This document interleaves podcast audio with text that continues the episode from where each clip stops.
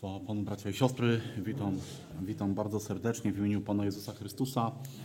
Jeżeli ktoś z Was dzisiaj albo wczoraj zdążył zajrzeć do internetu y, na stronę, y, na, jakieś, jakieś, na jakąś stronę związaną z, ze zborem, z kościołem, to tam zawsze umieszczany jest temat kazania.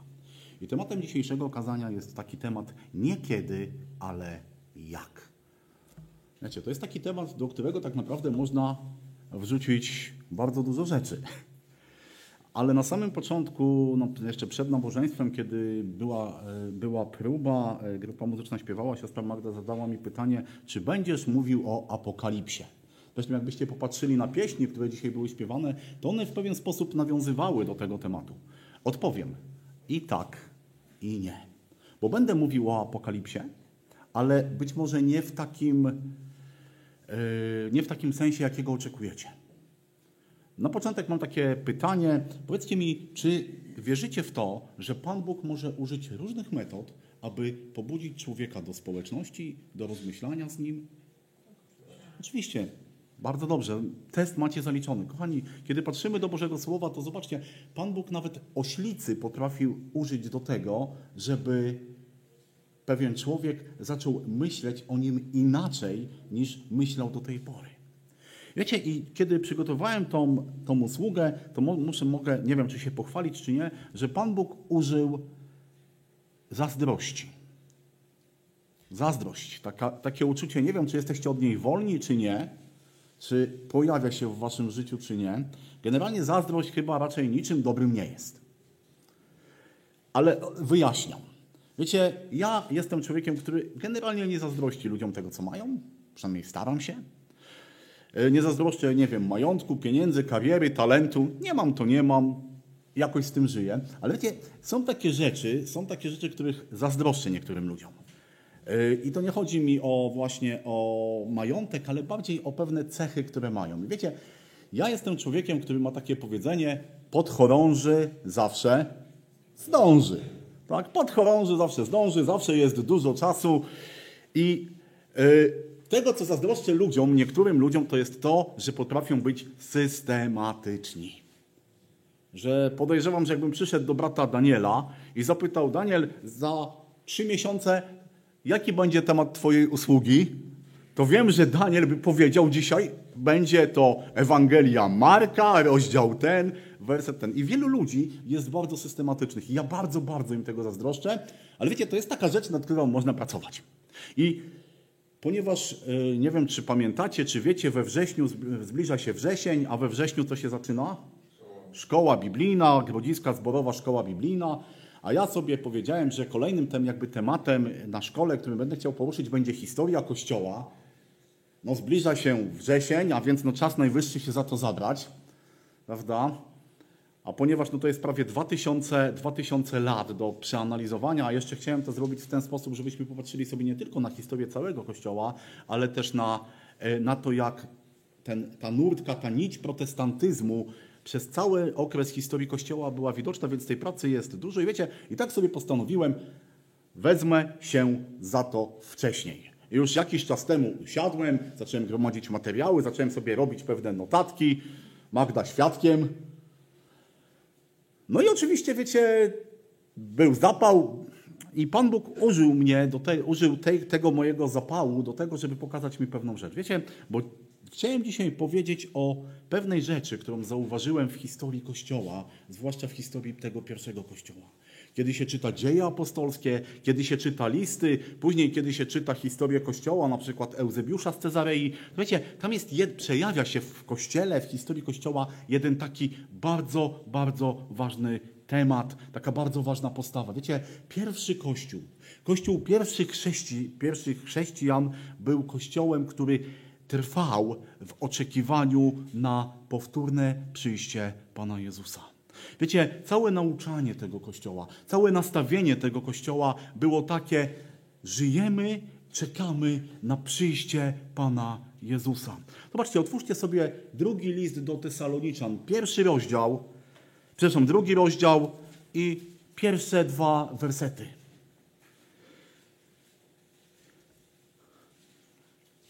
Tam czytamy: Co się zaś tyczy przyjścia Pana naszego Jezusa Chrystusa i spotkania naszego z Nim, prosimy Was, bracia, abyście nie tak szybko dali się zbałamucić i nastraszyć, czy to przez jakieś wyrocznie, czy przez mowę, czy przez list rzekomo przez nas napisany, jakoby już nastał dzień pański. Wiecie, i to pokazuje myślenie, to pokazuje obraz tego kościoła. Oni byli oni byli ciągle w oczekiwaniu na przyjście. Oni, jeśli tylko usłyszeli, że coś się spełnia, co może oznaczać ten dzień, to oni już byli gotowi. Wiecie, skąd pierwszy Kościół wiedział o tym, że Pan Jezus przyjdzie? Musimy pamiętać o jednej rzeczy. Pierwszy Kościół byli to głównie ludzie, którzy byli Żydami. Apostołowie byli Żydami. I kiedy popatrzymy sobie na historię tego narodu, to wiecie, oni cały czas, Pan Bóg do nich przemawiał. I cały czas w ich myśleniu, w tym, co czytali, było ten, była ta informacja właśnie, że będzie ten dzień. Przyjdzie ten dzień, kiedy Pan Bóg przyjdzie na ziemię. Ze swoim sądem, ze swoją sprawiedliwością i oni, bardzo, i oni wiązali ten dzień właśnie z przyjściem Mesjasza. Zobaczcie, Ewangelia Mateusza, 24 rozdział, 3 werset. Tam jest ta historia, kiedy Jezus jest w świątyni i później wychodzi na górę oliwną i czytamy, a kiedy siedział na górze oliwnej, przystąpili do niego uczniowie na osobność, mówiąc, powiedz nam, kiedy się to stanie i jaki będzie znak Twego przyjścia i końca świata. Zobaczcie, uczniowie, Żydzi, przychodzą do Jezusa i mówią, jaki będzie znak. A więc oni doskonale wiedzieli, że będzie ten dzień. Co więcej, wiązali go z przyjściem Mesjasza i Jezus jako Mesjasz, oni już znają go jako Mesjasza, pytają, kiedy będzie ten dzień. Idźmy sobie dalej. Wiecie, kiedy byśmy popatrzyli na Stary Testament, ci, którzy brali udział w Grodziskiej Zborowej Szkole Biblijnej jakiś czas temu omawialiśmy sobie księgi prorockie. I tam doskonale widzieliśmy, że pewni prorocy, tacy jak Joel, Amos, Sofoniasz, właściwie w całości z ich księgi poświęcone są przyjściu Dnia Pana. Ozeasz, który dzisiaj był już tutaj czytany, też o tym mówi i inni prorocy. I oni cały czas mieli w pamięci, wiecie, mieli zakodowane, przyjdzie dzień pański. Będzie to dzień związany z przyjściem Mesjasza, ze sprawiedliwością, z sądem, z końcem. Mieli różne koncepcje tego, ale wiecie, jednego byli pewni. Ten dzień nastanie. Oni, Stary Testament zapowiadał im, że przyjdzie ten dzień. Jezus zapowiadał im, że przyjdzie ten dzień. Wiecie, oni tak doskonale o tym wiedzieli, że pamiętacie, co się działo w dzień pięćdziesiątnicy? Kiedy stąpił Duch Święty, nastąpił szum, zgromadzili się ludzie, zaczęli co robić? Pytać, co się stało, o co chodzi. Co odpowiada im Piotr? Mówi, jest to, to, co jest zapisane w, w księdze proroka Joela. I wiecie, i w księdze proroka Joela, trzeci rozdział, pierwsze sześć wersetów, może przeczytajmy. Boże Słowo mówi tak. A potem wyleję mojego ducha na wszelkie ciało i wasi synowie i wasze córki prorokować będą, wasi starcy będą śnili, a wasi młodzieńcy będą mieli widzenia.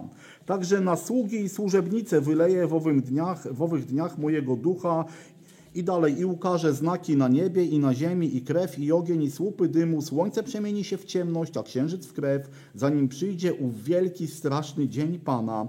Wszakże każdy, kto będzie wzywał imienia Pana, będzie wybawiony, gdyż na Syjonie i w Jeruzalemie będzie wybawienie, jak rzekł Pan, a wśród pozostałych przy życiu będą ci, których powołał Pan, bo, o, bo oto w owych dniach i w owym czasie, gdy odmienię los Judy i Jeruzalemu. No właśnie, więc oni ciągle wiedzieli. Stary Testament im o to zapowiadał.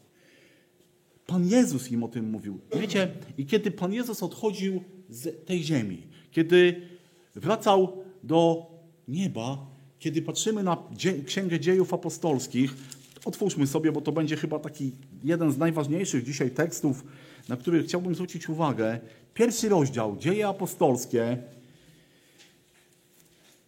i pierwsze 11 wersetów. Pierwszą księgę Teofilu napisałem o tym wszystkim, co Jezus uczynił i czego nauczał od początku. Aż do dnia, gdy udzieliwszy przez Ducha Świętego poleceń apostołom, których wybrał, wzięty został w górę, im też po swojej męce objawił się jako żyjący i dał liczne tego dowody, ukazując się im przez czterdzieści dni i mówiąc o Królestwie Bożym. A spożywając z nimi posiłek, nakazał im: Nie oddalajcie się z Jerozolimy, lecz oczekujcie obietnicy Ojca, o której słyszeliście ode mnie. Jan bowiem chrzcił wodą, ale wy po niewielu dniach będziecie ochrzczeni Duchem Świętym.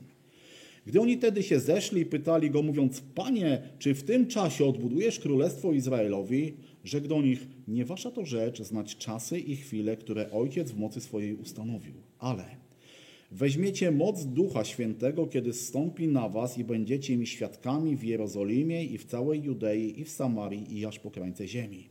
I gdy to powiedział, a oni patrzyli, został uniesiony w górę i obłok wziął go sprzed ich oczu.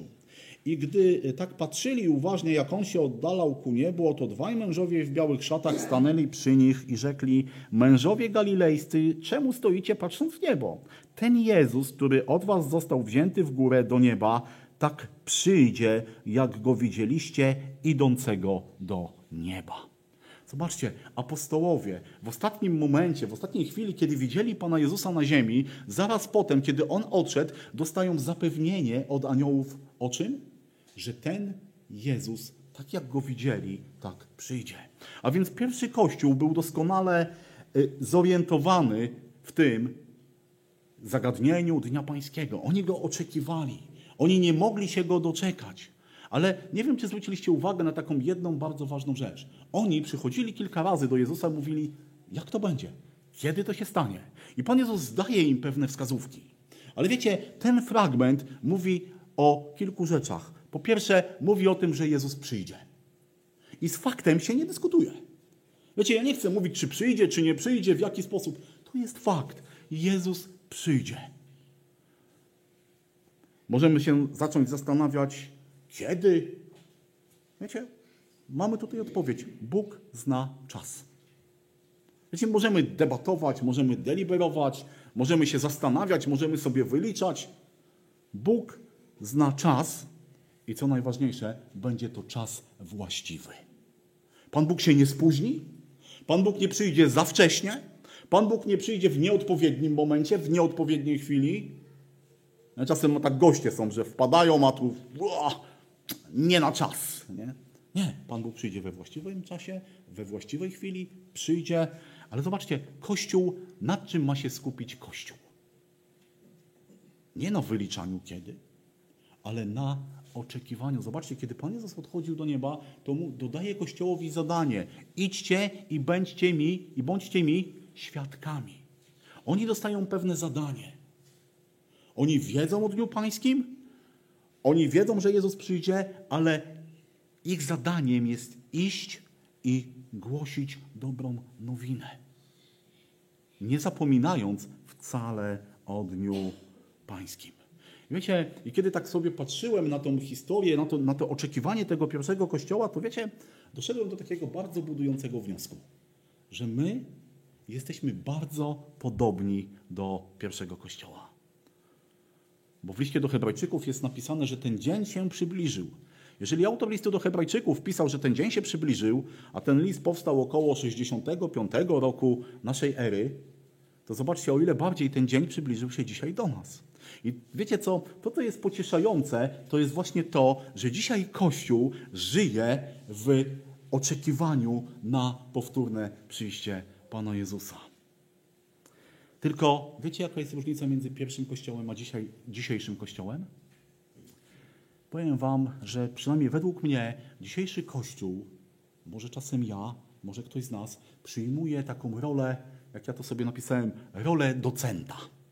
Wiecie, naukowiec, chciałem powiedzieć pod krawatem, ale nie mam, no ale, ale wiecie, badacz, naukowiec, on rozkłada sobie wszystkie dowody, materiały, patrzy, porównuje, analizuje, y, określa, wylicza. Wiecie, dzisiejszy Kościół jest bardzo do, podobny właśnie do takiego badacza.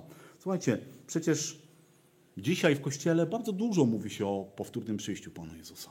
Są konferencje, są sympozja, są książki napisane, y, są dyskusje, są debaty, są szkoły, są wykłady. Tylko wiecie co, podejrzewam, że gdybym tutaj wytypował trzy, cztery osoby, i każdą z tych osób zapytał: Słuchaj, powiedz mi, jak to będzie wyglądać? To może się okazać, że każdy z nas ma inne zdanie na ten temat.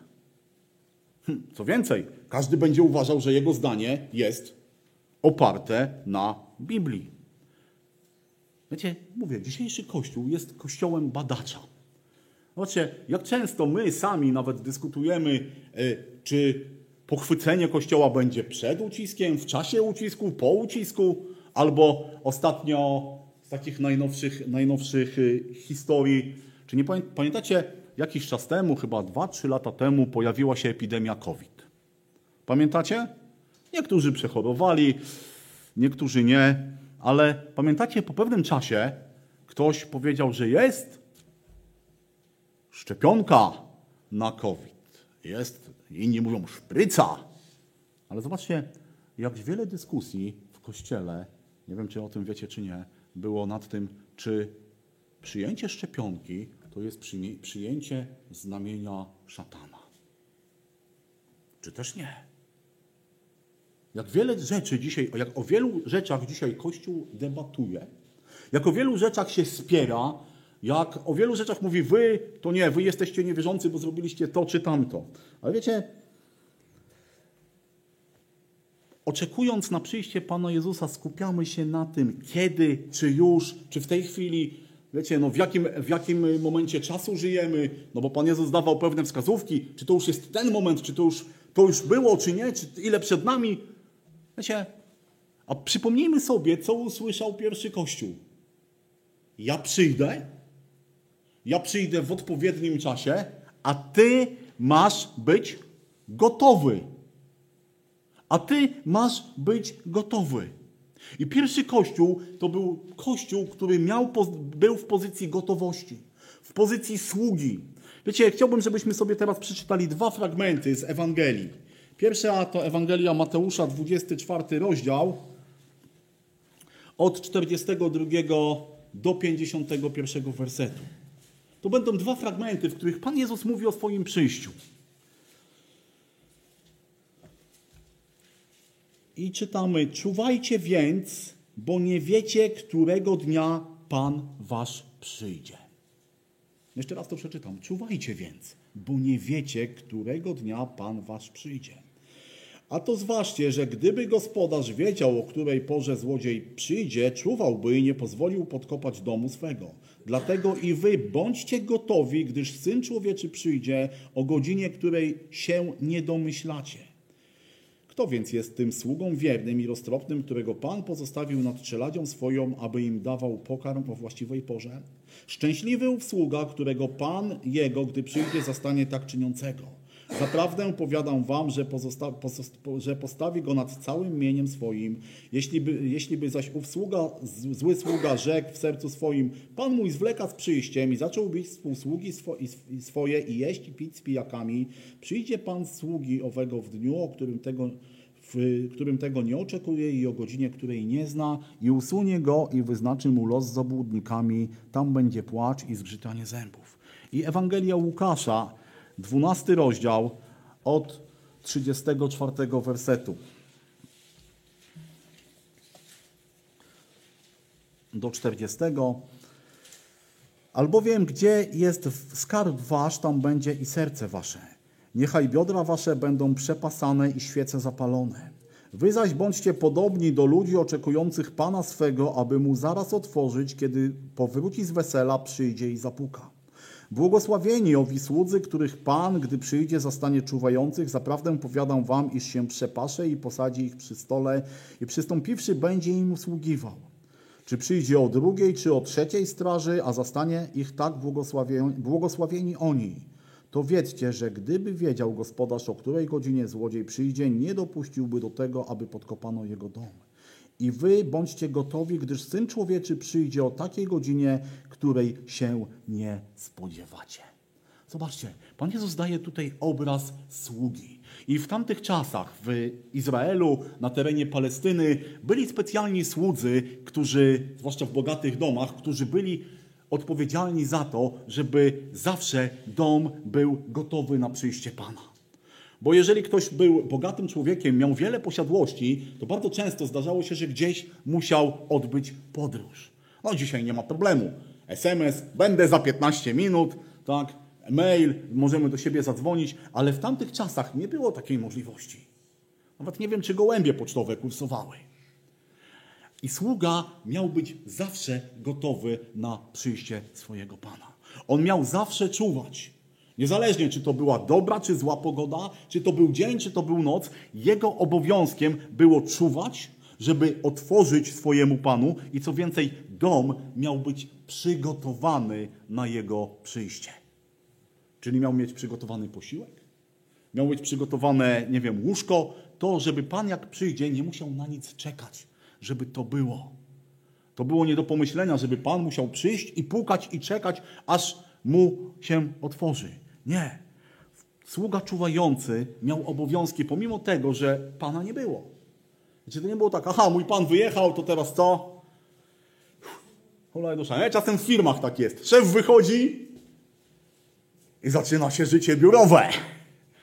Nie. Tam sługa musiał być cały czas gotowy. Czy Pana nie było, czy Pan wyjechał na dzień, tydzień miesiąc, sługa cały czas miał czuwać, być gotowy. Miał mieć swoje obowiązki. Zobaczcie, tam czytamy o pewnym słudze, który dostał obowiązek zajmowania się innymi sługami. Współsługami, tak jak Kościół dzisiaj. Wiecie, Pan Bóg nie pozostawił Kościoła na ziemi po to, żeby Kościół sobie był. Ale nie, Kościół ma zadania. Kościół ma rolę, Kościół ma misję, Kościół powinien być przygotowany do tej misji, powinien być czyniącym tą misję. Boże Słowo mówi: czuwajcie, trwajcie. To jest stan ciągle w ciągłej gotowości. Wiecie, to nie jest taki alarm bojowy, że prawda, alarm bojowy jest, trwa tyle i tyle czasu, odwołujemy go, wracamy do stagnacji. Nie, to jest ciągły alarm, ciągła gotowość. Wiecie, to jest postawa, postawa sługi, to jest postawa człowieka, który w pokorze pamięta o swoich obowiązkach. I tak jak powiedziałem, jest różnica między Kościołem pierwszym a dzisiejszym Kościołem. Bo wiecie, bo dzisiaj Kościół zapomina, jak ma czuwać. My pamiętamy, że przyjdzie, my zastanawiamy się kiedy, czy w tym momencie, ile nam brakuje, ale my zapominamy, że tak naprawdę to nie jest nasza sprawa. My mamy czuwać. My mamy być gotowi. My mamy trwać w tej gotowości. Wiecie, życie bez czuwania sprowadza nieszczęście. Tak jak w tej przypowieści jest powiedziane, że no, jeśli gospodarz przestanie czuwać, to co? Przyjdzie złodziej i podkopie jego dom. Kiedyś czytałem taką, takie opowiadanie o trzech diabłach, które przychodzą do szefa demonów i mówią, w jaki sposób będą próbować zwieść ludzi, zwieść Kościół. Jeden z nich mówi, ja będę mówił, że Boga nie ma.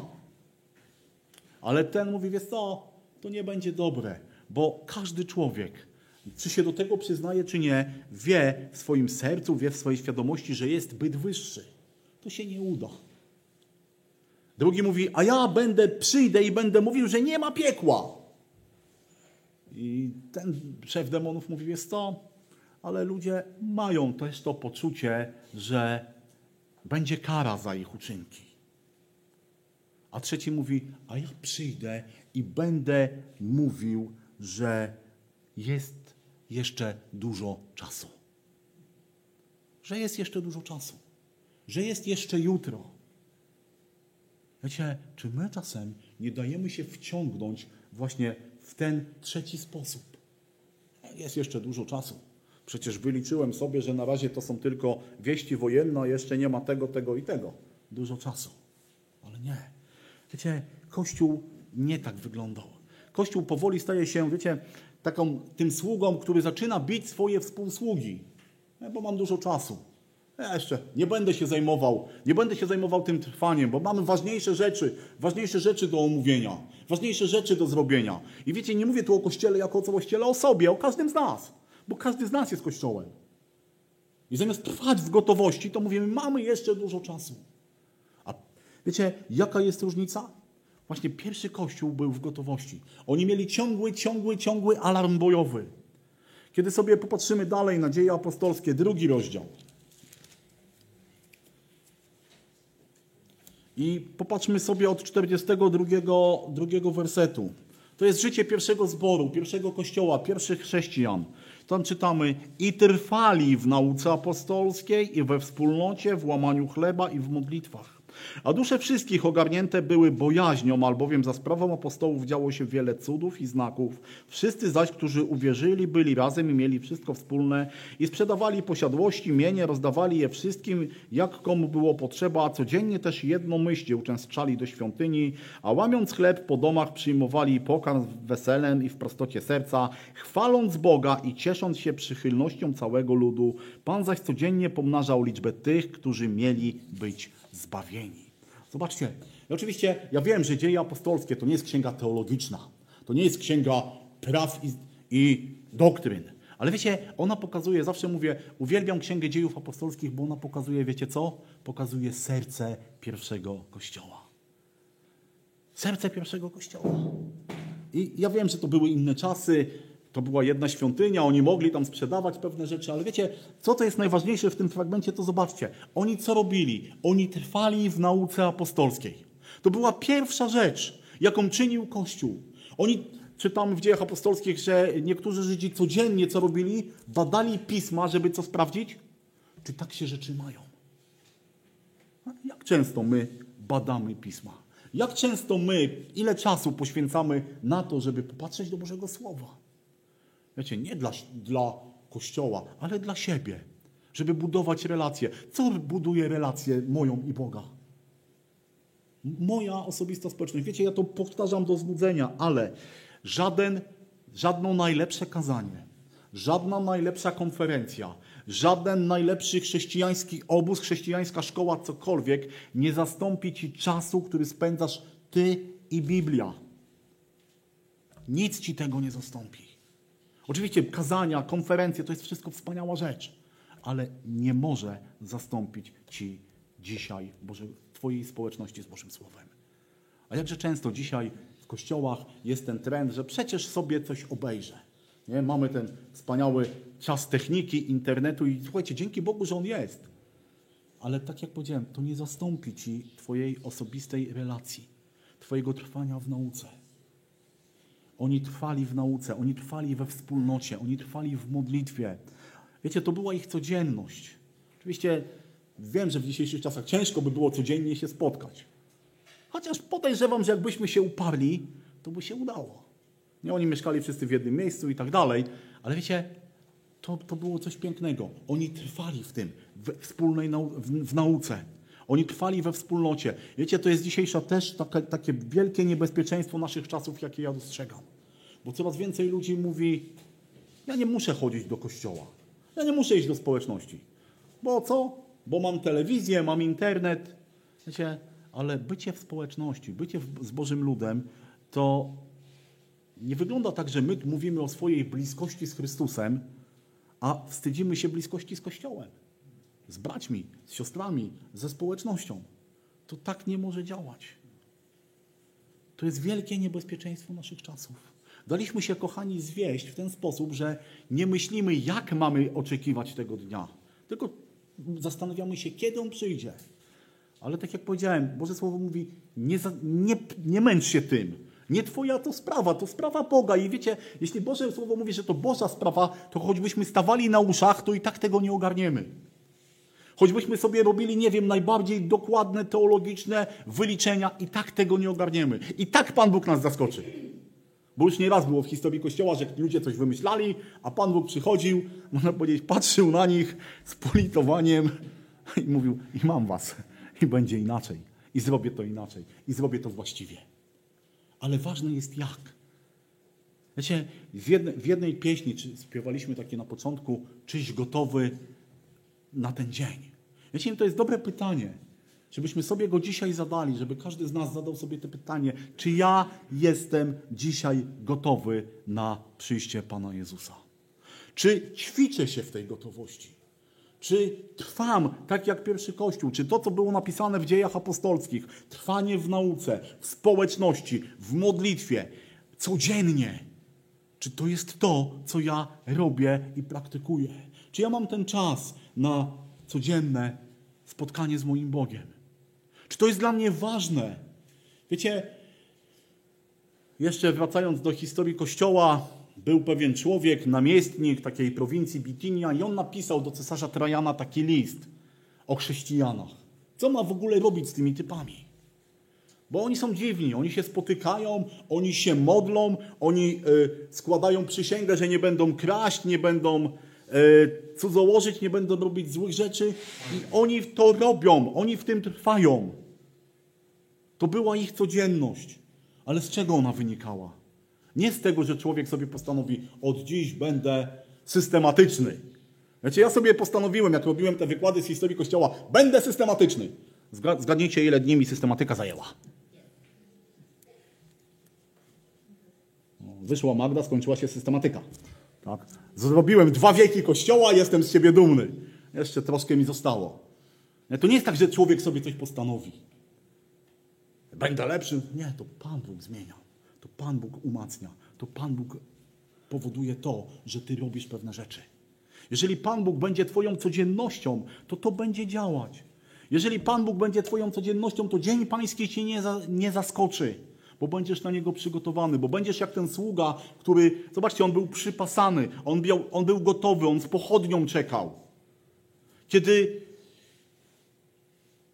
a może sobie otwórzmy, druga księga Mojżeszowa, 12 rozdział, 11 werset.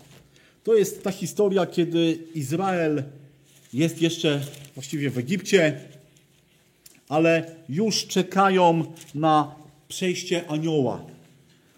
Na to, żeby, żeby wyjść, kiedy jest ten dzień Paschy, to 12 rozdział, 11 werset. Tam jest mowa o tym posiłku paschalnym, o tym czasie oczekiwania i tam są takie słowa, a w ten sposób spożywać go będziecie. Biodra wasze będą przepasane, sandały na waszych nogach i laska w ręku waszym. Zjecie go w pośpiechu, jest to ofiara paschalna dla Pana. Jak powiedziałem, mówi, jest tu mowa o, pas, o święcie Paschy. O tym, kiedy anioł przejdzie i oni będą wychodzić. Zobaczcie, postawa gotowości. Ale jacy macie być? Biodra wasze mają być przepasane. Sandały na nogach. Macie być, macie być gotowi do natychmiastowego wyjścia. Że jest alarm, to od razu wychodzicie. Wiecie, później to było też widać w obozie, kiedy Izrael szedł po pustyni. Kiedy zagrały trąby, to co? To wiecie, to nie było biegania. Ojejku, gdzie są moje kapcie? Yy, czy ktoś widział moją bluzę? Nie. Oni wiedzieli doskonale, że kiedy zagrały trąby, ja, ty i ty idziemy tam, bierzemy to, wychodzimy. To była postawa gotowości. To jest moja i twoja, to powinna być moja i twoja postawa gotowości. Czy jestem dziś gotowy na przyjście Pana Jezusa? Czy trwam w tej gotowości? Czy ją ćwiczę? Czy jestem właśnie tym sługą, który ciągle czeka, czy tym sługą, który mówi: E, chwila luzu, jeszcze daleko, jeszcze długo, jeszcze, jeszcze mam dużo czasu. Nie, nie masz czasu, bo co jest napisane? Nie wiesz, kiedy twój, twój Pan przyjdzie. Wiecie, kiedy patrzymy na Biblii, to Biblia kończy się Księgą Objawienia i właściwie ostatnie słowa tej księgi mówią coś takiego. Mówi ten, który świadczy o tym, tak przyjdę wkrótce. Amen. Przyjdź, Panie Jezu. Przyjdź, Panie Jezu. Wiecie, jak często modlimy się tą modlitwą? Jak bardzo często jest to pragnienie naszego serca. Przyjdź, Panie Jezu. I chyba jeden, kiedyś słyszałem takie, takie, takie kazanie, jeden z braci powiedział, i on przyjdzie. Nie musisz się o to martwić, tylko martw się o to, gdzie on ciebie zastanie. W jakim stanie? Czy w stanie oczekiwania i powie sługo wierny, czy będziesz gdzieś, gdzie nie powinieneś? Tak jak mówię, dzisiaj jest, mamy wspaniały przywilej. Możemy czytać Boże Słowo, możemy patrzeć na na to, co się ma wydarzyć, ale wiecie, nie patrzmy na to, kiedy, co i jak, tylko patrzmy na to, weźmy sobie ten pewnik. Przyjdzie Pan, czy ja dzisiaj, teraz jestem gotowy na Jego przyjście. Amen.